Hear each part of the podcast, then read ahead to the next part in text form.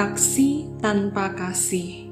Sebuah renungan dari Wahyu pasal 2 ayat 1 sampai 7. Sofia adalah robot manusia pertama yang mendapatkan status kewarganegaraan layaknya seorang manusia. Dengan kecerdasan buatan dan teknologi yang tinggi, Sofia mampu melakukan berbagai aktivitas yang dapat dilakukan oleh manusia. Bukan hanya itu saja, Sofia bahkan dirancang untuk memiliki nilai-nilai kemanusiaan seperti kebijaksanaan, kebaikan, dan kasih sayang. Ia juga berusaha menjadi robot yang memiliki empati yang tinggi, dan dia dirancang untuk membantu manusia menjalani kehidupan dan menciptakan dunia yang lebih baik lagi. Wow, luar biasa, bukan?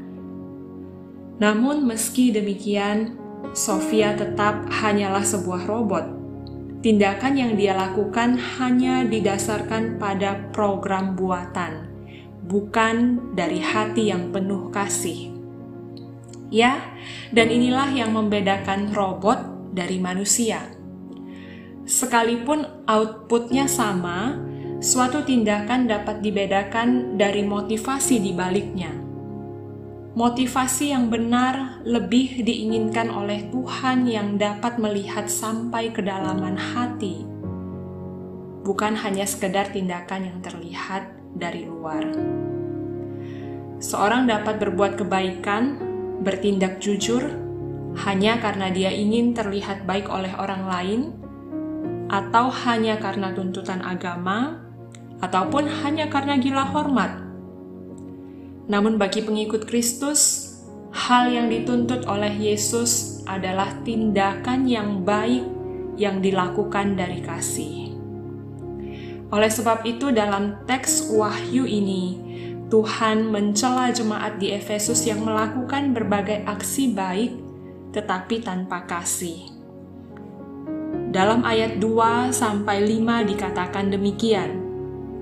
Aku tahu segala pekerjaanmu, baik jeripayahmu maupun ketekunanmu. Aku tahu bahwa engkau tidak dapat sabar terhadap orang-orang jahat bahwa engkau telah mencobai mereka yang menyebut dirinya rasul, tetapi yang sebenarnya tidak demikian, bahwa engkau telah mendapati mereka pendusta, dan engkau tetap sabar dan menderita oleh karena namaku, dan engkau tidak mengenal lelah. Namun demikian aku mencela engkau, karena engkau telah meninggalkan kasihmu yang semula. Sebab itu ingatlah betapa dalamnya engkau telah jatuh Bertobatlah dan lakukanlah lagi apa yang semula engkau lakukan. Jika tidak demikian, aku akan datang kepadamu dan aku akan mengambil kaki dianmu dari tempatnya jikalau engkau tidak bertobat. Teman-teman, dalam teks ini dikatakan jemaat di Efesus itu melakukan banyak sekali tindakan yang baik dan patut untuk dipuji. Mereka sabar menderita tidak kenal lelah, bahkan mereka memiliki pengetahuan teologi yang baik sehingga dapat membedakan ajaran yang sesat dan menentang ajaran tersebut. Namun sangat disayangkan, mereka melakukan semua hal ini tanpa kasih. Mereka meninggalkan kasihnya yang semula. Mereka tidak lagi mengasihi Tuhan seperti yang dulu pernah mereka lakukan mereka juga tidak lagi saling mengasihi di antara sesama jemaat. Tentu saja, kasih kepada Tuhan tidak dapat dilepaskan dari kasih kepada sesama, karena kedua hal ini berhubungan. Jemaat di Efesus sibuk menentang ajaran palsu, tetapi mengabaikan kasih dan keharmonisan di antara sesama mereka.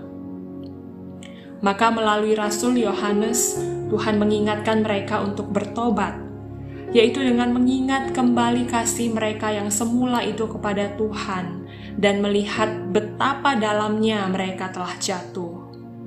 Jika mereka tidak bertobat, maka Tuhan akan mengambil kaki dian mereka. Artinya, mereka akan kehilangan kesaksian sebagai pengikut Kristus.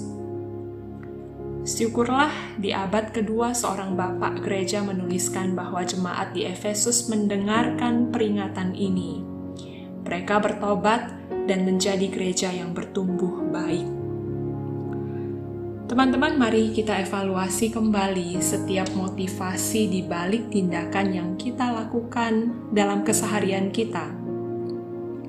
Jangan sampai kita melakukan segala aksi tanpa didasari oleh kasih.